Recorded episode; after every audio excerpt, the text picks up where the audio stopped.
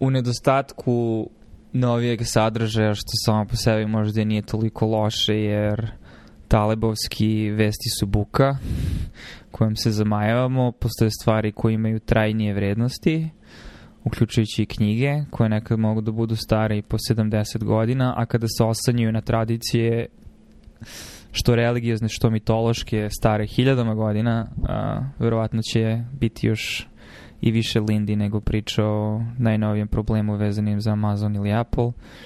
Tako da smo se dotakli gospodara prstenova. A da, zanimljivo je e, da, verovatno si mi rekao da čitaš,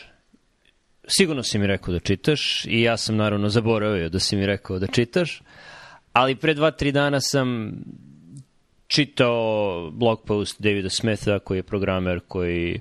ima nekoliko popularnih aplikacija za iOS, uključujući Widget Smith koji je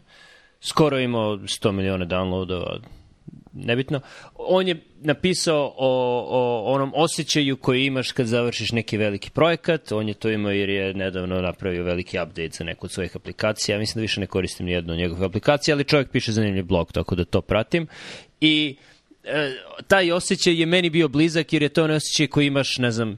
nekada davno kad si davao ispite, velike ispite i ono, spremaš se za davanje, polaganje anatomije, fiziologije, čega god, ono, mesecima, ako ne i godinu i po za anatomiju, na primer, i ono osjećaj koji imaš dan kada daš ispit i dan nakon toga, kad si ono kao malo uh, imaš neku energiju, ali uh, praznu, jer si sve vreme bio, bio toliko napet zbog toga i odjednom ima neko opuštanje, ali nije čak ni toliko dobar osjećaj, neki malo, malo nisam ni ja sam znao kako da ga opišem, nije ni on znao kako da ga opiše, on je imao taj osjećaj nakon što je izbacio te, te, tu aplikaciju ili dve, ali je, čitajući gospodara Prstenova, ponovo naleteo na pasus uh, gde, gde Bilbo, čini mi se, objašnjava Frodo zašto hoće da ide na zapad i rekao je da se osjeća um, istegnut, stretched je upotrebio naziv. Na, kao I, puter. Da, Mislim da, se na da kao, kao puter koji je, koji je premalo putera koji je bio razmazan na previše hleba. I, I to je ovog Davida Smitha podstaklo da piše o tome kako je kad radiš na velikom projektu, to je nije stretch kao puter toliko koliko kao, kao gumica jedna koju zatežeš i ona vrši svoju funkciju dok radiš na tom velikom projektu, ali u jednom trenutku je samo pustiš, ali ona malo izgubi oblik i, i to je, tvoj organizam se tako osjeća kao gumica koja je bila zategnuta jako dugo vremena, ali sada više nema potrebu da bude zategnuta, ali ne može da se vrati u prethodni oblik, nego je tako istegnuta. I to me podsjetilo da ima verovatno još gomila stvari u Tolkienu, u stvaru prstenova koji sam poslednji počitao pred 20 godina, pred 20 no. godina. A, da bi verovatno trebalo, bolje bi bi bilo vreme provedeno čitajući to po drugi put nego, nego gomilu drugih knjiga koje imam na polici po prvi put. Hmm. Ajde samo da bacim komentar na taj osjećaj i, i možda nešto rezonira sa tom, jer sam ja dosta razmišljao o tom osjećaju. Uh, mislim da jednim delom barem deo tog osjećaja je to što, pogotovo kad imaš neki intenzivan projekat, pogotovo kada je to glavni ili jedan od top 3 stvari na koje se fokusiraš, što uspostaviš obrazce ponašanja i neke navike vezane za projekat ili ono samo osjećaj, da ne kažem perspektivalno znanje, uh, rađenja, rada na tom projektu i onda čak i kad se završi, često i posle ispita, ono, završi se ispit i onda kao krenem kući kao, ok, sad bi trebalo da sedem ponovo da učim. I to mi je bilo, više puta mi se javate osjećaj kao da i dalje podsvesno ti imaš, znači, naviku da sad treba to da se nastavi i onda to u konfliktu sa time da čitava priča je ipak završena, što nekada bude propraćeno i snovima da ponovo treba da polažeš taj ispit, jer i dalje se vrte ti, ti krugovi u, u tvom mozgu. Um, ali mislim da gospodar prstenova definitivno ima mnogo uh, opisa obrazaca stvarnosti i totalno mi je jasno kad ljudi pričaju zašto je ta mitologija on, paralelna hrišćanskoj i mislim mnogim drugima, ali motivi koji se javljaju i obrazci koji se javljaju i a opet mislim u isto vreme toliko ljudska i i zašto je toliko popularna i dalje. Jer svi možemo da se identifikujemo sa idejom toga da ideš na neki zadatak koji je nejasan, težak projekat, ne znaš kako će se završiti, to je breme koje nosiš um, i ono, dati lekciju o tome koji su dobri načini da se nosiš sa tim stvarima i nesigurnošću i prisustvu zla u životu, što u sebi, što u drugima i, i zanimljivo je kako kroz likovi i stvari kroz one koje oni prolaze um, te lekcije nekako se konsoliduju na nivou kao da ih i ti sam proživljavaš. Mislim da je to odlika ono, dobre literature kada u, te, ti obrasi počinju tebi da klikću u, u svakodnevici. Ali ne znam sad uopšte koliko možemo se dotaknemo nekih detalja, bit će mnogo zanimljivo da pričamo i baš bi volao da pričamo kada ti... I ti ćeš svakako brže to pročitati, ja i onako malo i gustiram jer pročitam poglavlje, onda razmišljam o tom poglavlju, čitam nešto drugo i, i pogotovo što imam tu aplikaciju gde kao ono pratiti koliko šetaš i principu pratiš put Froda od okruga do Mordora, tako da nekako ono u paraleli sa svim tim je zanimljivo kao da ti ideš na neki svoj put i svoje putovanje, ali ta ideja da Znaš, sve što mi proživljamo ja su putovanja. Ono nešto ima početak, nešto ima kraj, ideja narativa, ideja ciklusa, a, ideja perspektive,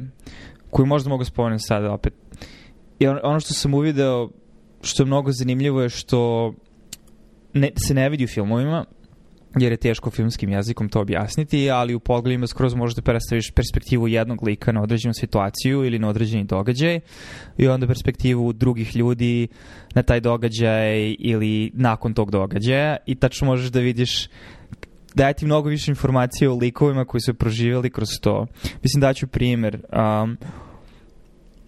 znači, Helm of Honor čitava odbrana, Gandalf koji dolazi i spašava, oni su svi zatvoreni u toj tvrđavi dok korci napadaju. Hm? U najbolji, si... deo, najbolji deo knjige i najbolji od svih filmova. Jako dobar trenutak u filmu, da. Um, mislim, opet, ono, drugačiji su oblici. Znaš, recimo, meni je kraj družine prstene kada Sam bukvalno se sprema da on, Frodo odlazi, beži, prestravljen, mora da nastavi, mora da nastavi sam, družina se raspala, ovo zlo uništava sve, to je njegovo breme i Sam koji nesebično utrčava u vodu i ono počinje da se davi. Mislim, u filmu je to vrlo dramatična scena i filmovi su vrlo verno prikazali gomilu stvari, ali neke stvari ne možeš da iskažeš toliko koliko kroz knjigu i koliko je tragičan i prelep taj trenutak ono, požrtvovanja tebe za nekog drugog ko nosi neko svoje breme mislim, jako je onako ljudski, ljudski trenutak. Ali Helm of Honor, da, znači kad se Gandalf javlja, malo je to drugačije u knjizi, jer e, ne dovede o neku vojsku, nego dovede drveća koji su potomci Treebeardova, koji ni nemaju neke oznake, samo se pojavila ogromna šuma i orci su nestali većina njih. Uglavnom, nakon bitke Aragorn, Legolas, Gimli i Gandalf se vraćaju ka, idu ka Isengardu. I ovaj, to, toga nema u filmu, ima smisla što nema u filmu, ali čitav jedno poglavlje njihov put nazad, gde oni vide, ne znam, ima reka Aizen, pored koje oni prolaze, i sad to je bio kao pre neki potok, sad delo je isušeno i onda oni su tu prespavali jednu noć i sledeće jutro oni vide kako je krenula neka bujica i bila je prljava bujica, pa je onda voda bila čista kao šta se dešava i onda oni sad dolaze do Eisengarda i bukvalno ono na, na vide ruševine, bila je ogromna bitka i ono na jednom brdu od ruševina, ono šuta i čega god, sede Mary i Pippin. Ono kao, e, gde ste vi? Znaš, pošto su oni totalno nestali u tom trenutku, oni ih nisu videli od, od ono kad se raspala družina, jer su ih orci uzeli i tako. I onda je zanimljivo sad iz, iz, iz perspektive, znači ovih kao što se odesilo ova reka, u stvari se ispostavio, znači, znači kad su došli tri beardovi, mislim, čitav moment da je Aizen ono nekada bio lep, ono, drveće, voćnjaci, šta ti je znam, kako je Saruman došao, tako je počelo sve da se industrializuje, to je like, ono kritika industrializacije društva, mislim, nekada čak malo iskarikirano u smislu tu sad gvozden, ma da opet iskarikirano možda što je jedan od prvih ljudi koji je se služio tom simbolikom, a to je sad ono shorthand, mislim, za gomilu stvari, ali ono, i u filmu se to vidi, ono, gvožđe, topljenje, dim, znaš, ono, Birmingham iz ono, 19. veka, bukvalno. I, I sad njihova priča šta sve dešavalo da je ta voda u stvari bila koju su ono drveće uzele vodu da pročiste ceo, pošto je Aizen kao jedan veliki ovalni tanjir koji malo ima udubljenje, onda su oni protutnjali svu tu vodu da pročiste taj, taj mehanizam, ali zanimljivo je, mislim, celo tu celo, celo to zdanje, celo taj prostor, ali zanimljivo kako ono iz različitih perspektiva likova, tebi se ne otkrije uvek šta je tu, jer oni su kao čuli neku buku, neku huku, onda se ispostavio da su to bila ta drveća, ali ni ti sam kao čitalac ne znaš, mislim, neću ti, ima mnogo drugih takvih momenta, ovaj je možda jedan od manje ono, impozantnih, zašto želim da ih i sam ovaj, ispercipiraš svoje, ali je mnogo cool kako ne vidiš stvari kakve jesu dok trenutka, mislim, ono, ideja narativa, znači te kad se nešto završi, onda pogledaš unazad i sklopiš kockice, aha, to je ta stvar, ali negde u tom međuprostoru, sivilu, zamućenom, nisi ni siguran šta je, ima gomila tih stvari da ono, da li je nešto opasno, da li je ovo saveznik, da li je ovo neprijatelj, nikad ne znaš. Uh, mnogo takvih momenta ima i i ono, moment Hobita, mislim, koji je ono očigledan, ono, oni su deca i to je ono, i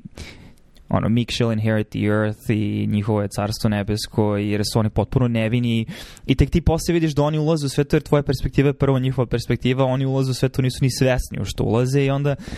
vidiš iz nekih čudnih razloga im se dive mnogo viša bića. Mislim, u filmu se vidi ono kako se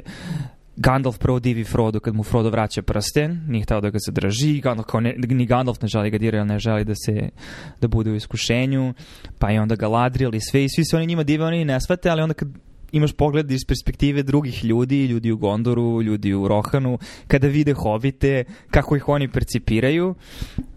baš sad, znači na poglavlju, aj samo ću to dam da ne bi ja previše tupio, ali znaš, Pipin koji je ono arhetip budale, jer on ono uvek je kaže stvar koju ne treba da kaže, mislim i u filmu se to provlači, uh, on u, u knjizi on uzme one palantire, Mm -hmm. I opet zanimljivo da neko nazove kompaniju Palantir, zato što zašto se koristi. Šta, da, da. Da, mislim, Palantiri su uh, sedam sferičnih voznih Sećam ugli. se Palantira, da. Da, da, da. Tako, Ov... je, tako je Saruman špionirao, a i Sauron je tako špionirao Sarumana i svi su se tako međusobno špionirali. Da, ali ajmo možemo se dotaknemo toga. Jer mi je jako zanimljivo to kao simbol, jer je u pitanju tehnologija i moćna tehnologija i cela priča počinje u stvari kao što, tako što je Saruman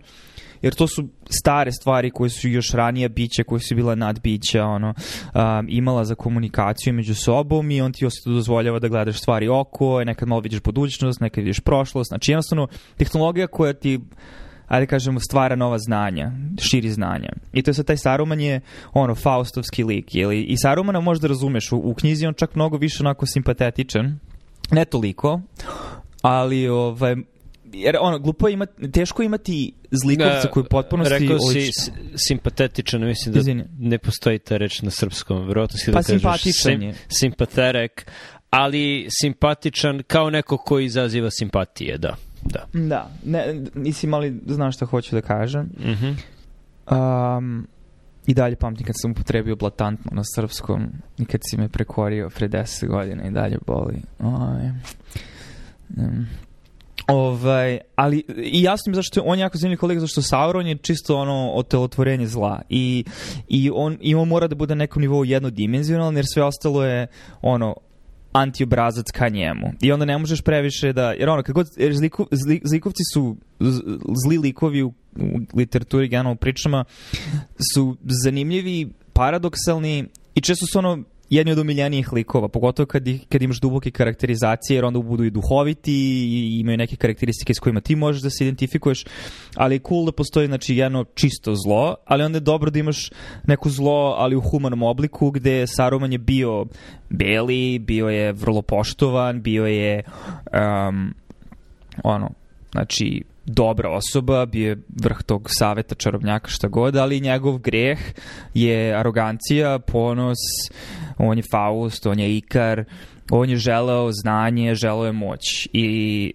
našao je palantire i on je počeo da istražuje samo, gleda okolo šta se dešava u njegovom, njegovom pošto Wizard's Vale se zove to područje oko Isengarda i u jednom trenutku ga je samo Sauron navatao i počeo da ga i on je na kraju, mislim, ono postao korumpiran. Mislim, to je ono, korupcija ga je on, iznutra počeo da truli i onda je izgubio pot... Kad kažeš korupcija na srpskom, uvijek misliš na politiku, ali na, na neku, ne, mislim, iskvario se. Eto, to je možda dobar termin. Tako da ove, zanimljivo, dosta ima lekcija tu kako tehnologija u isto vreme koliko je moćna, toliko nas i zaroblj, zarobljava i najčistiji primjer toga je sam prsten, mislim, koji je ono veliki izvor moći, ali izvor zla i destrukcije. Dobro, zašto bi, neko, zašto bi nekome u Srbiji bilo zanimljivo uh, Palantir, termin, uh, jer mislim da većina ljudi ne zna za kompaniju Palantir i, i čime se bavi i ko je osnivač. Pa ajde kaži. Uh, Palantir je firma Petera Thiela koja je mm -hmm bavi se gomilom stvari. IT je kompanija koja daje informacijne tehnologije za gomilu državnih institucija Uh, sporedno, mislim, za, za, za institut na kome sam ja nekada radio, ti sada radiš, neke stvari tamo za, vezane za analizu genoma i ti alati koji se koriste su na Palantir tehnologiji, ali Palantir radi IT za NSA i za druge bezbednosne... Dosta stvari u Pentagonu, da. Da, da znači, ministarstvo odbrane i špionaža bave se... A, mi, Mislim da ne, nevjerojatno do koje mere je sve to privatizovano ovde, tako da da, ta, ta infrastruktura, informatička infrastruktura za, za špionažu je generalno pod domenom privatne firme i to je firma koja se zove Womp Womp Palantir.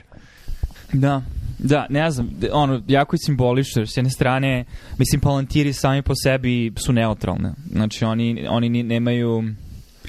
nisu zli sami po sebi. Ono što je zlo je njihova upotreba, tako da e, nije slučaj. Nekako ne, Mislim, ono, očigledno kad su nazvali tu kompaniju, mislim, ono, i oni su fanovi um, gospodara prstenova, ali nekako pogotovo kroz prizmu toga kako svet gleda na Pitera Tila sad ili barem kako mediji gledaju na njega, i onda kad staviš Palantir kao nešto što je ideja kor, ono, korumpiranosti ili iskvarenosti, vrlo je ironično, mislim, jer je to neko sam izabrao da nazove svoju kompaniju tako. Znaš, nije niko nametnuo to. Pa dobro, reklamira svoje sposobnosti. To, računaš na to da će bar neko ko odlučuje o tome gde će ići milijarde dolara za te ugovore biti ljubitelj gospodara prstenova i razumeti ono, šalu. Pa ne znam ali, da, mislim, ne, ne, mogu, ne mogu da uđem u um on, pošto nije on sam, ali je jedan od suosnivača, ali ovaj, ne mogu to, mislim, ono, ima smisla kao ove tehnologije koja nam omogućava da prikupljamo informacije o svetu oko sebe, pošto, mislim, gomna stvari koje oni rade, ono, uh, su sistemi koje nadgradiš na već postojeći sistem um, informacije dozvoljavaju ti da kroz novije tehnologije presabiraš podatke, kao što si rekao, znači analiza genoma ili podataka pacijenata ili čega god,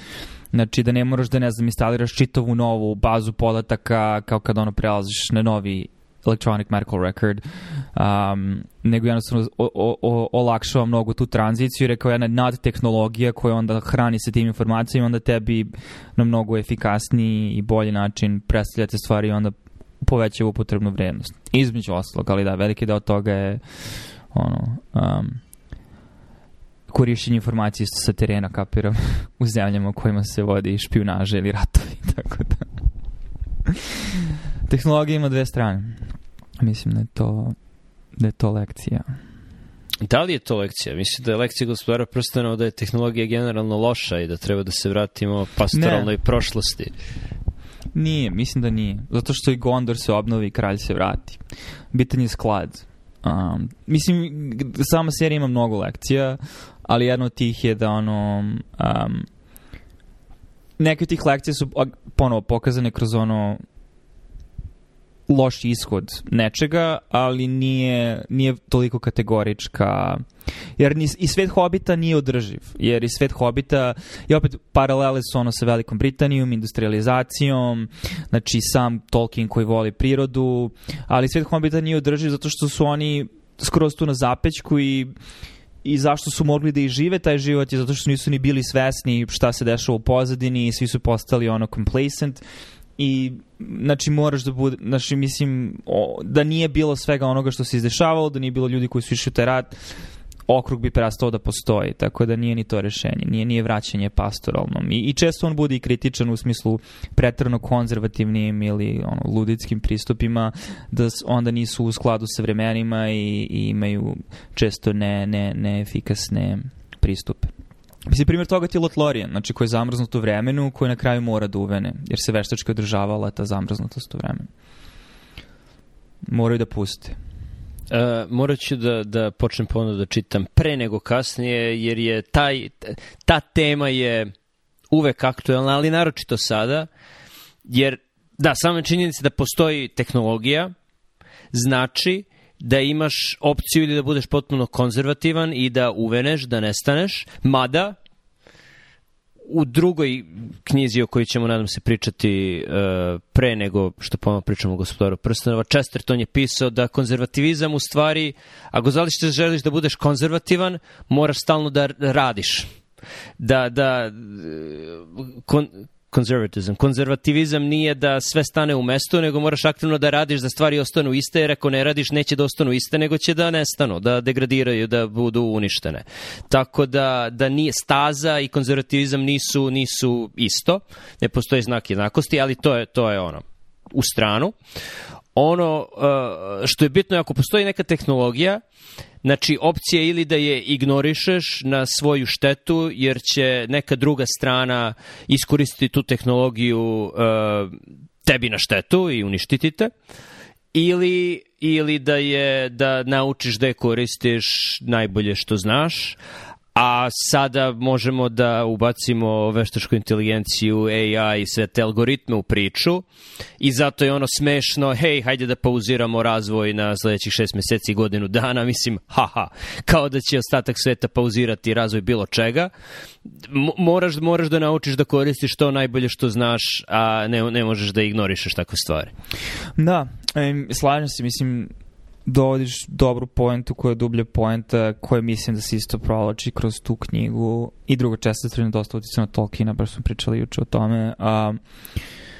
to da nije, nije, nije lažna dihotomija, znači nije kategorički staza ili kategorički nezaustavljiv progres bez razmišljanja o eksternalitetima, nego je pitanje razvijanje adekvatnog odnosa, adekva, racionalnog, ratio, kako bi Verveke često rekao, ratio, ratio, like, odnos između dve stvari. Znači, pitanju je odnos nas prema tome i jedan dinamički uzajamni znači, proces gde donosimo neku odluku, upuštamo se svesno u nešto, vidimo koje su posledice i ono, zajedno sa tim rastemo, ali je neminovno, znaš, mislim, odeće koje nosimo na sebi i zidove u kojima sad stojimo, koji imaju konstantnu temperaturu i kompjuteri koji nam sad dozvoljavaju da pričamo iako smo udaljeni nekoliko milja sad, su sve tehnologije koje nam u isto vreme omogućava stvari, ali nas u isto vreme i ograničava, jer smo zavisni od nje. Jer ne možemo da budemo goli napolju sad na ovoj kiši. Mislim, bilo bi jako teško raditi bilo šta, uh, osim sklanjanja od kiše. Tako da, mislim, to je taj ono dualni, paradoksalni odnos, jer i, i uvek je tako. Znači, svako novo te, te, tehničko, tehnološko otkriće, novi napredak, s jedne strane nas čini moćnijim, sposobnijim, ali isto vremena nas čini zavisnijim od te tehnologije, pogotovo ako budemo naivni da se potpunosti prepustimo toj tehnologiji i onda ni nismo ni svesni kako ona menja nas same. Mislim, gojezni ljudi u automobilima koji jedu procesirane šećere. Mislim, to je jedna posledica dostupnih tehnologija i odluka koje su donešene u određenim trenucima koje je onda teško reverzirati. Um,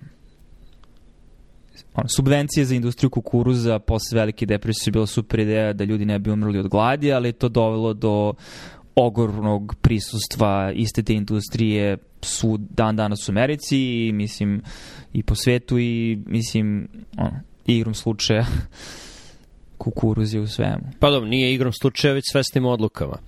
Pa da, a, ali hoću kažem, znači, u jednom trenutku možda neseš odluku koja ima smisla u tom trenutku, ali onda ono, treba vremena da se napravi feedback, da se napravi povratna sprega i da vidimo u kojoj meri je ta odluka dobra. Da,